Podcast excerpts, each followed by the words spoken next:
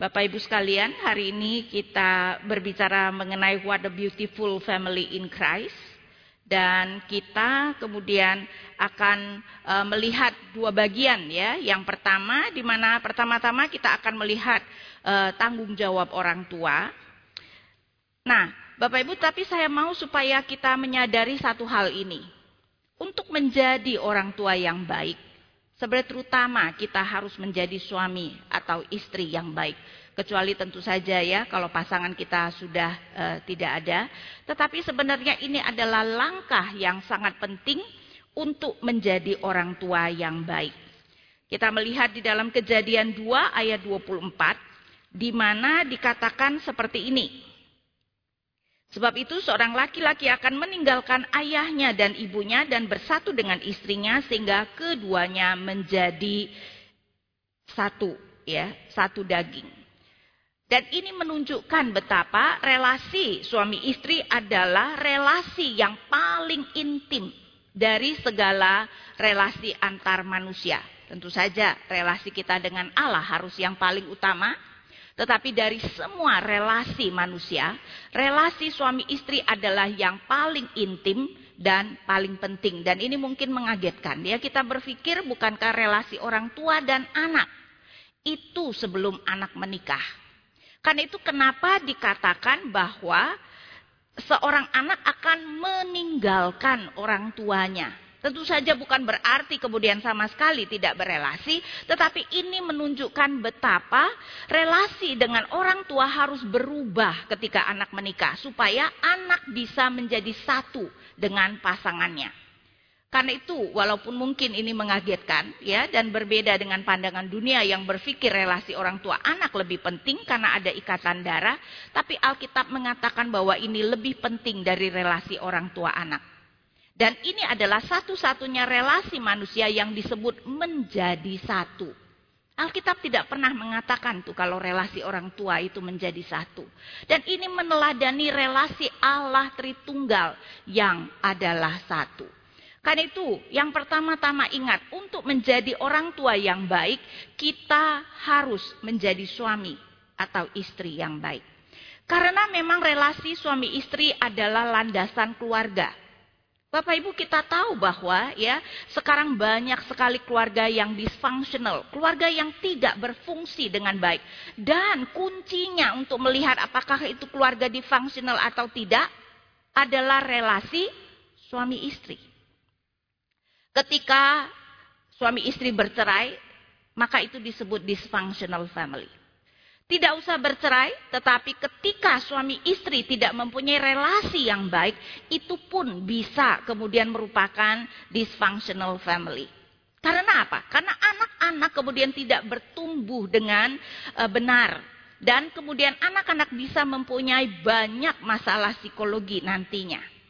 Karena itu, kita melihat juga bahwa relasi orang tua dengan anak pasti tidak sebaik jika relasi suami istri baik. Karena apa? Karena orang tua dan terutama dalam hal ini mungkin ya ibu-ibu sering sekali mencoba menarik anak untuk berpihak pada dia. Dan e, mau supaya relasi anak dengan bapaknya misalnya tidak menjadi begitu baik. Karena itu ketika relasi suami istri ada masalah. Relasi orang tua dengan anak pasti tidak sebaik jika sebenarnya suami istri mempunyai relasi yang baik. Mungkin kita bisa melihat kadang-kadang ada e, ibu terutama ya dengan anak laki-laki yang begitu dekat dan kita berpikir wah ini sebenarnya sangat luar biasa. Tetapi hati-hati kedekatan itu ada yang namanya kedekatan yang tidak sehat. Yaitu kedekatan di mana akhirnya Orang tua tidak bisa melepaskan anaknya ketika anak menikah. Dan itu bisa terjadi terutama di dalam relasi di mana suami istri tidak berelasi dengan baik. Karena itu Bapak Ibu ya yang pertama. Menjadi orang tua yang baik berarti menjadi suami atau istri yang baik. Kemudian tentu saja kita harus menjadi orang tua yang bertanggung jawab dalam mendidik anak. Sokrates berkata, "Kenapa engkau melakukan segala hal untuk men menjadi kaya, mendapatkan harta, tetapi menaruh begitu sedikit perhatian kepada anak-anakmu yang nantinya semua hartamu itu akan diberikan kepada dia?" Masuk akal enggak Bapak Ibu sekalian? Bukankah anak adalah harta yang paling penting? Ya, tetapi kita orang tua lebih sibuk mencari harta benda daripada uh, sebenarnya mendidik anak-anak yang harusnya merupakan harta terpenting kita.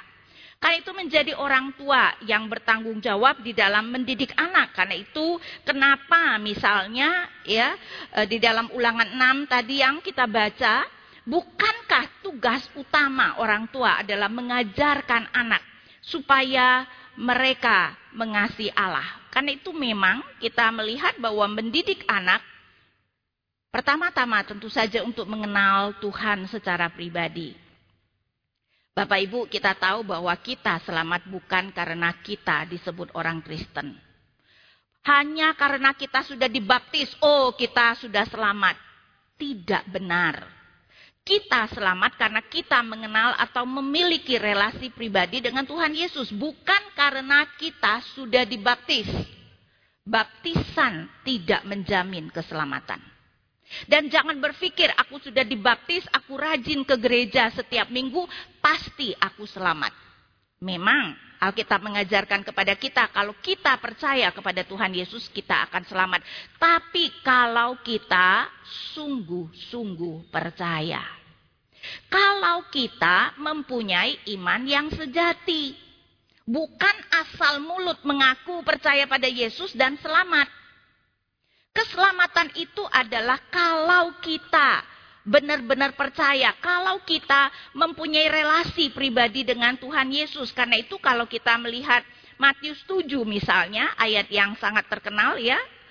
Ayat 21 sampai 23, Tuhan Yesus sendiri mengatakan, Bukan setiap orang yang berseru kepadaku Tuhan, Tuhan akan masuk ke dalam kerajaan surga, melainkan dia yang melakukan kehendak Bapakku yang di surga. Bukankah ayat ini jelas mengatakan, eh jangan hanya karena kamu menyebut Tuhan Yesus adalah Tuhan, kamu pasti selamat. Tetapi kamu harus melakukan kehendak Bapakku di surga. Tentu saja kita tahu keselamatan juga bukan berdasarkan tingkah laku kita, tapi ini adalah bahasa hiperbol yang ya membesar-besarkan untuk memberikan penekanan untuk menunjukkan bahwa bukti kamu beriman adalah kamu melakukan kehendak Bapa di surga. Sejalan dengan apa yang Yakobus katakan, tanpa perbuatan iman itu iman mati tanpa perbuatan ya kan itu kita melihat bahwa tidak semua orang percaya menjadi uh, tidak semua anak orang percaya menjadi orang percaya atau hidup dengan benar. Saya teruskan membaca Matius 7 ayat 22.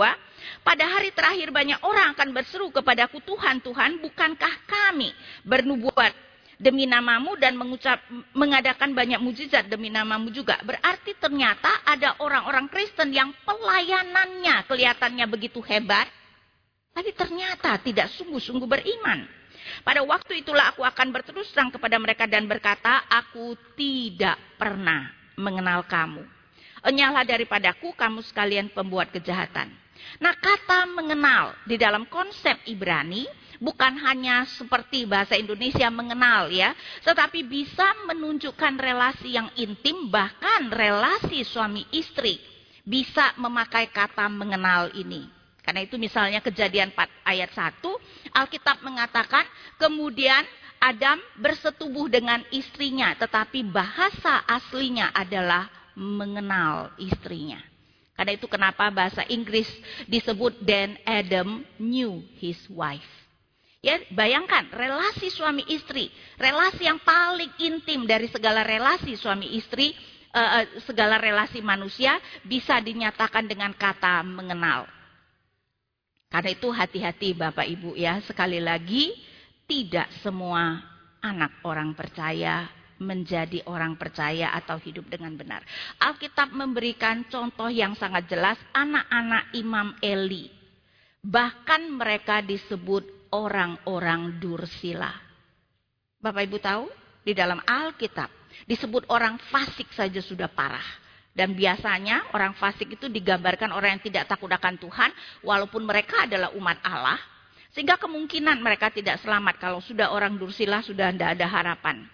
Dan dikatakan bukan saja mereka adalah orang dursila, mereka dikatakan bahasa aslinya menunjukkan mereka tidak mengenal Allah. Ya, Bapak Ibu bisa lihat itu itu ada di dalam saya tunjukkan deh ya. 1 Samuel 2 ayat 12. Adapun anak-anak lelaki Eli adalah orang-orang dursila, mereka tidak mengindahkan Tuhan, tapi bahasa aslinya mereka tidak mengenal Allah. Padahal mereka adalah imam. Jadi jangan berpikir ya, bahwa anak orang Kristen itu pasti masuk surga. Anak-anak Daud juga banyak yang tidak benar, ya sehingga kita harus mengerti bahwa belum tentu loh anak kita itu mengenal Allah. Jadi adalah tugas orang tua untuk mendidik anak-anak untuk mengenal Allah secara pribadi. Nah, Bapak Ibu, hari ini juga kita merayakan Pentakosta pada hari Pentakosta yang pertama, Roh Kudus dicurahkan untuk memberi kuasa kepada setiap orang percaya. Kuasa apa? Kisah 1 ayat 8 untuk menjadi saksi bagi Kristus. Nah, menjadi saksi bagi Kristus, Bapak Ibu sekalian, bukan hanya soal ada tetangga yang belum percaya kita bersaksi tentang Kristus, tetapi juga bersaksilah tentang Kristus kepada anak-anakmu di dalam kehidupanmu dengan perkataanmu. Karena sekali lagi tidak semua anak orang percaya sudah mengenal Tuhan. Kemudian tentu saja tadi juga sudah kita baca mendidik anak untuk mengasihi Allah dengan segenap hati ya sehingga di dalam ulangan 6 tadi sudah dikatakan, nah ini adalah tugas utama orang tua dan kita melihat bahwa semua perkataan dan tindakan orang tua adalah pengajaran dan pelatihan terhadap anak. Berarti setiap saat dan setiap situasi. Bapak Ibu kita itu bukan hanya mengajar anak kalau kita berkata kepada anak, nak, papa ajarkan ini ya untuk kamu. Bukan hanya demikian, tetapi setiap perbuatan kita sebenarnya adalah pengajaran kepada anak. Apa gunanya kita mengatakan kepada anak, nak jangan berbohong, tapi anak melihat bahwa kita berbohong di telepon. Yang mana yang akan lebih dia pikir itu adalah pengajaran orang tua. Apa yang kita katakan atau apa yang kita perbuat. Ketika apa yang kita perbuat dan apa yang kita katakan itu tidak sinkron, yang akan mereka lebih perhatikan adalah apa yang kita buat. Karena itu kita harus mengerti bahwa di dalam setiap tindakan kita, bagaimana cara kita berbisnis, bagaimana kita memperlakukan orang lain, bagaimana kita memperlakukan asisten rumah tangga, kita sedang mengajar anak kita. Bagaimana kita memperlakukan orang tua kita yang sudah lanjut usia, kita sedang mengajar anak kita bagaimana memperlakukan kita nantinya ketika kita sudah tua. Bapak Ibu sekalian, di dalam segala peristiwa, kita sedang mengajar anak. Karena itu sebenarnya ya, ketika kita itu harus memikirkan apa yang harus kita lakukan. Di dalam kita mengajar anak bukan hanya dengan apa yang kita katakan, tetapi tentu dengan apa yang kita perbuat. Sehingga pertanyaan penting apakah kita mengajarkan anak-anak kita hal positif atau sebaliknya. Ketika kita marah, kita menyambar siapa pun. Ketika kita dalam kesulitan, kita menjadi egois dan hanya memikirkan keadaan kita dan tidak mau peduli ketika ada orang lain yang lebih membutuhkan bantuan, kita tidak peduli apa yang sedang kita ajarkan kepada anak. Karena itu kita harus hati-hati karena banyak hal mungkin kita tidak pikirkan. Waktu itu saya baca uh, buku ya, Ted Tripp itu adalah seorang pengarang yang sangat luar biasa untuk keluarga. Buku yang lama, dia memberikan judul Shepherding the Heart ya. Di mana kita seharusnya mengembalakan Bapak Ibu terutama hati anak-anak kita. Dan dia memberikan contoh misalnya ya, pakai segala situasi sebenarnya untuk mengajarkan anak. Dia berikan contoh misalnya ada dua anak yang bertengkar biasa deh ya, si adik merebut mainan kakak. Nah, biasanya sebagai orang tua, kalau anak lagi bertengkar, apa yang kita lakukan? Kita pokoknya mau mereka diam, beres. Ya enggak, mungkin kita mengatakan, e, Dek, enggak boleh dong merebut e, mainan kakak atau menyuruh kakak untuk mengalah. Tapi kata Tetrip kita kehilangan kesempatan itu untuk mengajarkan anak saling mengasihi. Mengasihi Allah dan mengasihi sesama. Kenapa tidak pakai kesempatan itu sekalian mengatakan, nah bukankah kita seharusnya saling mengasihi. Nah sekarang sebagai kakak, apa yang perlu kamu lakukan untuk menunjukkan kasih kepada adik? Dan sebagai adik, apa yang seharusnya kamu lakukan untuk menunjukkan kasihmu kepada kakakmu? Kenapa tidak mengambil kesempatan yang begitu berharga untuk mengajarkan anak mengasihi Allah dan sesama. Itu yang dimaksudkan dengan ulangan 6 ayat 4 sampai 9. Senantiasa kamu itu mengajarkan anak. Saya berikan eh, mungkin detilkan beberapa bagian ya. Kemudian ayat 6 misalnya, apa yang kuperintahkan kepadamu pada hari ini haruslah engkau perhatikan, haruslah engkau mengajarkannya berulang-ulang kepada anak-anakmu tadi, senantiasa setiap situasi. Ayat 8 haruslah juga engkau mengikatkannya sebagai tanda pada tanganmu dan haruslah itu menjadi lambang di dahimu. Orang Yahudi melakukannya secara harafiah, ya, menulis ayat-ayat tertentu dalam kertas kecil dimasukin dalam tabung, diikat di tangan dan dia di dahi. Tapi kita seharusnya mengerti secara metafor apa pun yang kamu lakukan dan apa pun yang kamu pikirkan dan putuskan. Seharusnya semuanya kamu itu sedang mengajar anak-anakmu mengasihi Allah dan tentu saja sesama. Kemudian dan haruslah engkau menuliskannya pada tiang pintu rumahmu, berarti di dalam kamu mengajar anak-anakmu dan pada pintu gerbangmu. Bapak Ibu itu bukan pintu gerbang rumah, tapi pintu gerbang kota dunia kuno ya. Kotanya ada temboknya dan ada pintu gerbangnya dan semua transaksi terjadi di pintu gerbang. Berarti di dalam semua aktivitas dan transaksi yang kamu lakukan. Seharusnya kamu mengerti bahwa kamu harusnya mengajar anak untuk mengasihi Tuhan. Tapi Bapak Ibu sekarang ya, Orang tua lebih mementingkan nilai anak daripada mengasihi Tuhan. Buktinya Senin ada ujian, ya udah anak tidak usah ke gereja, besok ujian. Nah, apa yang kita lakukan? Bukankah kita mengatakan anak nilai lebih penting dari Tuhan? Bapak Ibu sadar nggak kalau itu yang sedang Bapak Ibu ajarkan? Walaupun mungkin di dalam mulut Bapak Ibu mengatakan kita harus mengutamakan Tuhan. Tapi tanpa kita sadari sering sekali di dalam tindakan kita. Kita itu mengajarkan anak yang terbalik. Dan kita kemudian bingung, kok anakku tidak mengasihi Tuhan. Tapi tanpa kita sadari kita banyak melakukan hal yang membuat anak berpikir Tuhan itu tidak penting. Atau Tuhan itu nomor sekian lah. Karena itu kita harus hati-hati dan mengajar anak untuk meresponi panggilan Allah dalam setiap aspek hidupnya.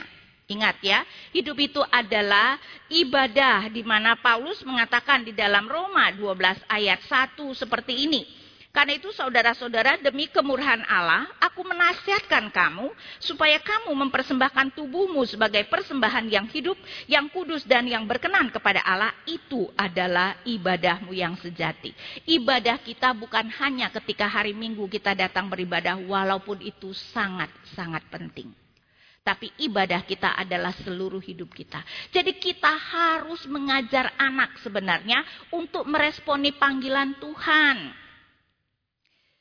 Karena itu, coba e, minta anak untuk memikirkan beban yang Tuhan berikan ketika dia memilih jurusan apa nanti di universitas. Ibu Musa mengerti sekali, tahu nggak kenapa Ibu Musa berani menyelamatkan Musa ketika Firaun menyuruh untuk membuang bayi laki-laki ke sungai Nil. Dia melihat bahwa anak itu elok di mata Tuhan. Memang di dalam keluaran tidak dikatakan, cuma dikatakan ibu itu melihat bahwa anak itu indah, elok. Tetapi Stefanus kemudian memberikan kita uh, pengertian di dalam ya kisah 7 ayat 20 bahwa ibu Musa melihat anak itu elok di mata Tuhan. Artinya apa? Entah bagaimana, ya tentu saja itu juga adalah anugerah Tuhan. Ibu Musa mengerti Musa akan dipakai oleh Tuhan. Karena itu, itu sebenarnya juga adalah tugas utama orang tua. Coba lihat bakat yang Tuhan berikan kepada anak-anak kita. Didik mereka untuk mencari kehendak Tuhan.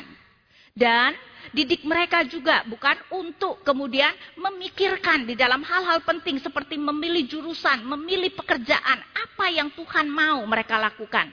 Karena kita mempunyai panggilan umum dan panggilan khusus. Panggilan umum adalah perintah Tuhan untuk kita semua. Kita harus mengasihi, kita harus mengampuni, kita perlu menginjili, tapi panggilan khusus Tuhan mau kita sebagai apa? Sebagai dokter, sebagai bisnismen, sebagai guru, itu ada panggilannya masing-masing, ibu-ibu. Bukan e, bapak ibu sekalian, bukan hanya hamba Tuhan yang punya panggilan. Dan itu juga sebuah konsep yang salah dimengerti oleh kita orang Kristen. Seakan-akan hanya hamba Tuhan yang punya panggilan. Tidak. Setiap kita punya panggilan Tuhan mau kita mengerjakan apa? Efesus 2 ayat 10 bahwa kita itu ditebus untuk apa? Melakukan pekerjaan-pekerjaan baik yang sudah Allah persiapkan sebelumnya dan itu unik untuk setiap kita, untuk setiap anak kita. Kemudian satu yang penting melepas anak setelah anak menikah. Tadi keluaran 2 ayat 24, anak seharusnya meninggalkan orang tua untuk bersatu dengan pasangannya. Karena itu sebenarnya seharusnya begitu anak menikah jangan tinggal serumah Sebelah tidak apa-apa.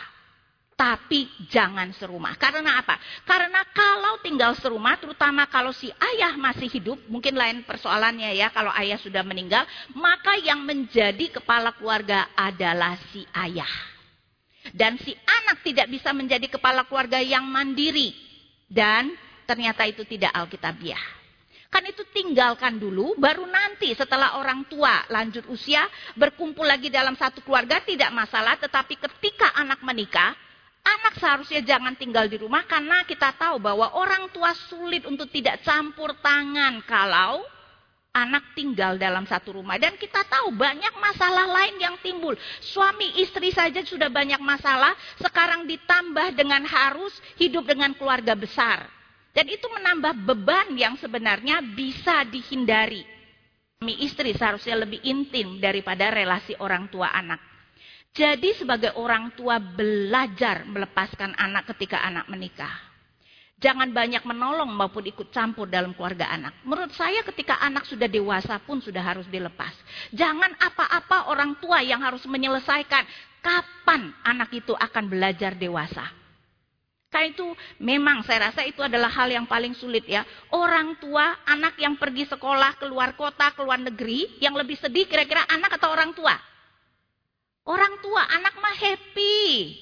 Ya, kebanyakan anak mah happy dia uh, sekarang bisa mandiri. Orang tua yang tidak bisa melepaskan. Kita orang tua harus belajar untuk melepas anak setelah anak dewasa. Nah, sekarang kita akan melihat tanggung jawab anak ya. Tentu saja tadi juga sudah dibacakan ya kita tahu bahwa hukum kelima itu adalah e, menghormati orang tua. Hormatilah ayahmu dan ibumu. Dan ini adalah satu-satunya hukum yang menarik ya di mana Allah menjanjikan upah. Saya bacakan ya Keluaran 20 ayat 12, hormatilah ayahmu dan ibumu supaya lanjut umurmu di tanah yang diberikan Tuhan Allahmu kepadamu. Dan ini menunjukkan betapa pentingnya hal ini. Ini adalah hukum pertama untuk manusia, karena hukum satu keempat terutama adalah kepada Allah. Dari semua hukum manusia ini adalah hukum yang pertama, menunjukkan betapa ini begitu pentingnya. Nah, Kemudian juga kata hormatilah yang sangat luar biasa itu adalah bahasa Ibrani-nya kata kafut yang bisa berarti berat atau lebih sering diterjemahkan mulia yang berbicara tentang kemuliaan Allah. Jadi kata yang dipakai untuk memuliakan Allah dipakai untuk orang tua. Ya dan ini menunjukkan betapa betapa pentingnya sebenarnya orang tua Nah, Imamat 19 ayat 3 menunjukkan seperti ini. Setiap orang di antara kamu haruslah menyegani ibunya dan ayahnya. Nah, kata yang dipakai menyegani sebenarnya bisa diterjemahkan kata takut. Kata yang sama juga yang sering dipakai untuk takutlah akan Allah. Jadi dua kata yang sering dipakai untuk untuk Allah, kavod dan yare, takut ya. Muliakanlah, hormatilah dan takutlah akan orang tua. Itu dipakai ya untuk Allah, maksud saya dipakai untuk orang tua. Kemudian di dalam imamat dengan sengaja dikatakan haruslah menyegani ibunya dan ayahnya, ibu diletakkan di depan Keluaran tadi ayah diletakkan di depan berarti kita seharusnya menghormati dan ayah dan ibu sama. Walaupun betul ayah adalah kepala keluarga, tetapi seorang anak seharusnya menghormati ayah dan ibunya sama. Ya, dua-duanya dia hormati. Tidak ada kayaknya uh, apa uh, degree yang berbeda, tapi seharusnya sama. Nah, apa arti menghormati orang tua? Nah, ini berbeda ketika kita berada di dalam tahap yang berbeda. Nah, tahap pertama adalah kepada anak-anak yang di bawah umur. Jadi adik-adik ya, pada waktu masih di bawah tanggung jawab orang tua, taat kepada apa yang orang tua perintahkan dalam Tuhan. Artinya, ya, kalau apa yang orang tua minta itu tidak bertentangan dengan firman Tuhan, kita harus taat. Tapi memang kalau ada orang tua yang tidak bijaksana ya, misalnya menyuruh anak ya untuk mencuri atau berbohong, nah seharusnya anak tidak mentaati karena harus lebih mentaati Allah ya. Jadi itu namanya mentaati uh, orang tua dalam Tuhan. Ya, jadi anak harus lebih taat kepada Allah jika orang tua memerintahkan melakukan yang dilarang Allah. Tapi kalau bukan soal melanggar perintah Tuhan, jika soal perbedaan pendapat semata, anak harus taat. Adik-adik kamu mau pergi bermain ya sama teman, orang tua mengatakan tidak boleh. Ya kita harus taat, walaupun kita pengen ya untuk main dengan teman, kita harus taat. Karena memang itu namanya menghormati orang tua. Kalau ada beda pendapat. Saya dulu kesel tuh tamat SMA waktu itu kan ada kayaknya tur dengan sekolah. Eh mama kagak kasih. Tapi ya apa boleh buat toh mama nggak kasih ya. Sehingga ya akhirnya ya tidak berani pergi. Ya sehingga kita kadang-kadang mungkin tidak mengerti. Kenapa sih ya papa mama kok begitu tidak boleh begitu. Tapi ya Tuhan sudah menempatkan orang tua sebagai orang yang berotoritas bagi kita dan itu adalah otoritas pertama yang kita kenal di dalam kehidupan kita. Ya karena itu kita seharusnya taat ketika orang tua e, menyuruh kita melakukan ya, ketika itu tidak melanggar perintah Tuhan. Tapi setelah dewasa, maka yang harus kita lakukan di dalam menghormati orang tua adalah memperhatikan orang tua dan menjaga nama baik orang tua ya. Di dalam kita berbisnis, di dalam kita berelasi, ingat loh kita itu membawa nama orang tua. Jangan menipu, ya. Jangan melakukan hal-hal yang tidak benar yang akhirnya merusak reputasi orang tua kita yang sudah baik tersebut. Tapi memang Anak tidak lagi harus melakukan apa yang diminta orang tua. Tetapi menghormati artinya menganggap serius permintaan orang tua.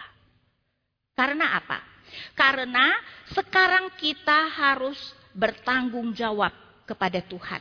Kita menggumulkan ya dengan uh, dengan Tuhan, tetapi memang menggumulkan dengan serius apa yang orang tua kita mau dan lihat apa yang akhirnya Tuhan putuskan dan keputusan bisa berbeda-beda. Contoh yang sangat sering terjadi, anak mau menjadi uh, mau masuk sekolah teologi orang tua tidak setuju. Orang tua Kristen pun sering sekali tidak setuju kalau anaknya mau jadi hamba Tuhan. Pikirnya madesu, ya. Masa depan suram kan? Waduh, anakku nanti udah ndak bisa kaya, Ya, padahal aku mau supaya dia jadi kaya. Nah, kalau sudah begitu adalah tanggung jawab anak untuk menggumulkan dengan Tuhan. Apakah menuruti dulu ya permintaan orang tua, berdoa terus sampai orang tua akhirnya mengabulkan baru dia masuk teologi, eh, sekolah teologi atau memang Tuhan mengatakan enggak, walaupun orang tuamu tidak setuju, aku mau engkau melakukannya sekarang. Maka dia kemudian harus tetap melakukan, walaupun orang tua tidak setuju. Karena apa? Karena sekarang tanggung jawab kita itu adalah langsung kepada Tuhan. Kita sudah dewasa. Jadi dalam hal ini, tapi sekali lagi ya, menghormati orang tua berarti kita menganggap serius menganggap serius apa yang menjadi uh, apa keberatan orang tua. Dan kemudian setelah orang tua lanjut umur. Bapak Ibu, anak perlu merawat orang tua. Matius 15 memberikan kita sesuatu yang sangat luar biasa.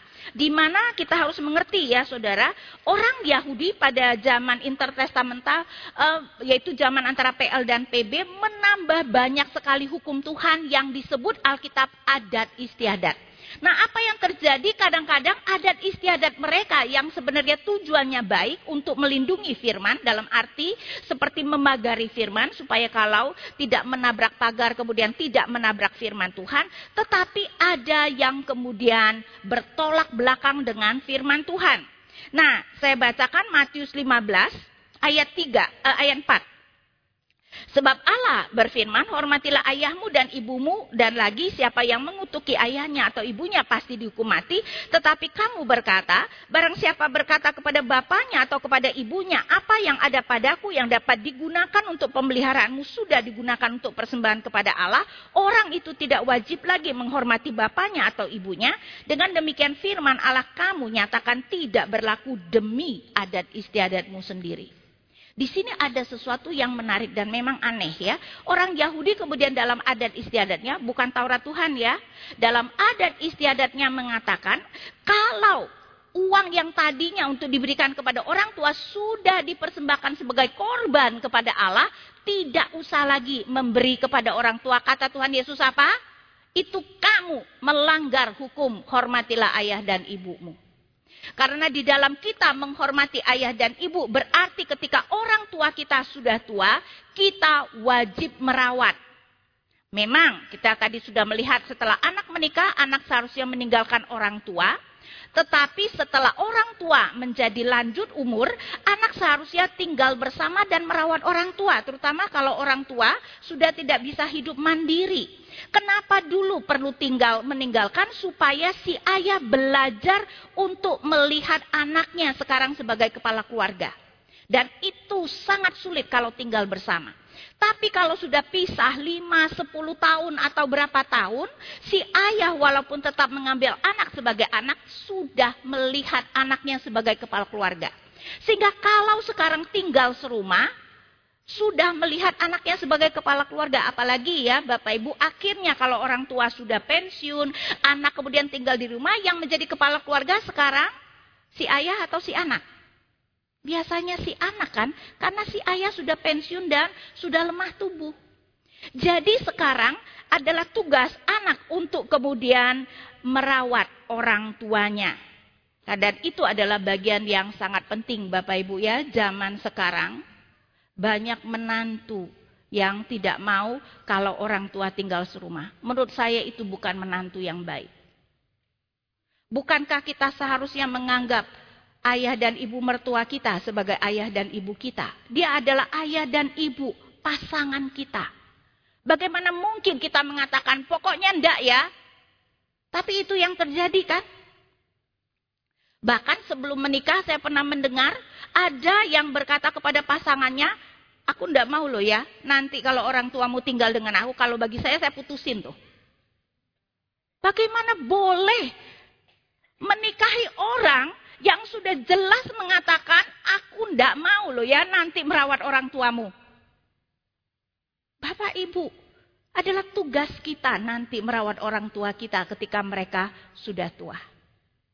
Jadi kita juga harus mencari pasangan yang mengerti bahwa itu adalah tugas kita. Tetapi tentu saja kita pun juga harus bersedia bukan? Kalau harus uh, kemudian mertua tinggal dengan kita karena uh, uh, harus dirawat.